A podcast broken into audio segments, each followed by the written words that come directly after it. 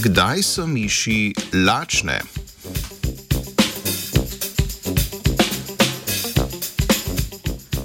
Veliko rutinskih telesnih aktivnosti miši je odvisnih od dneva in noči. Tudi njihov apetit je med drugim odvisen od časa v dnevu. Ravno ritem prehranjevanja je raziskovalna skupina podrobneje proučila v raziskavi, o kateri piše v reviji Current Biology. Skupina se je vprašala, ali je ritem prehranjevanja povezan s suprakiazmatičnim jedrom ali pa ga morda poganjajo drugi mehanizmi neposredno odvisni od dnevne svetlobe.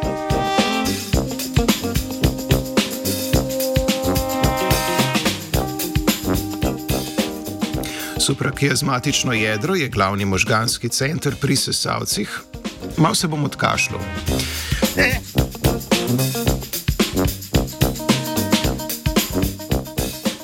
Suprakiazmatično jedro je glavni možganski center pri sesalcih odgovoren za usklajevanje dnevne aktivnosti z izmenjavanjem dneva in noči.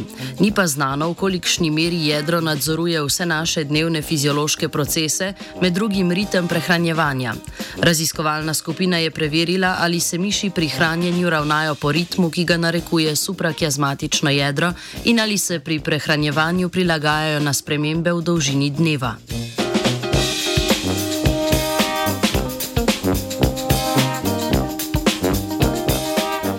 Dan in noč v kletkah je raziskovalna skupina simulirala s prižiganjem in ugašanjem luči. Apetit živali je skupina spremljala s posebnimi napravami, ki so mišim ob pritisku na gumb ponudile hrano. Tako je bilo možno spreminjati časovni okvir, v katerem je bila mišim na voljo hrana.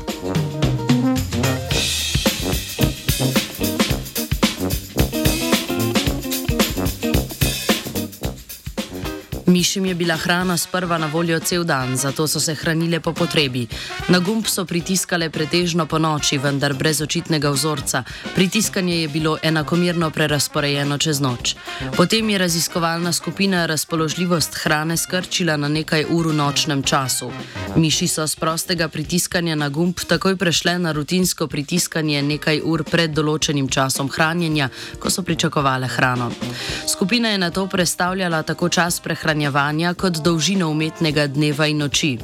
Pri vseh umetnih spremembah je skupina opazila spremembo v pritiskanju na gumb v približno dveh dneh.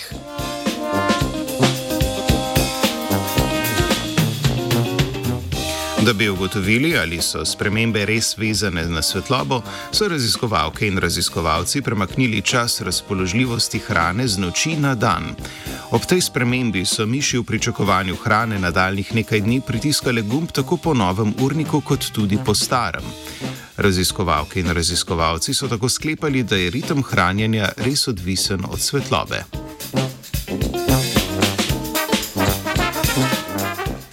Ti rezultati pa niso odgovorili na vprašanje raziskovalne skupine, ali je za ritem prehranjevanja odgovorno suprakiazmatično jedro. Poskus so zato ponovili z mišmi, ki so imele okvarjeno delovanje suprakiazmatičnih jeder. Opazili so, da so se te miši na, na usiljene spremembe v urniku hranjenja in dolžini dneva navadile hitreje kot miši brez okvarjenega suprakiazmatičnega jedra.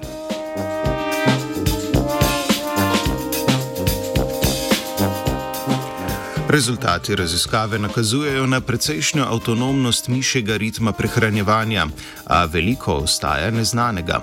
Ne poznamo podrobnega mehanizma delovanja, niti kje v telesu se nahaja. Dotična raziskava namiguje, da se ritem prehranjevanja hitreje prilagaja okoljskim spremembam kot delovanje suprakiazmatičnega jedra.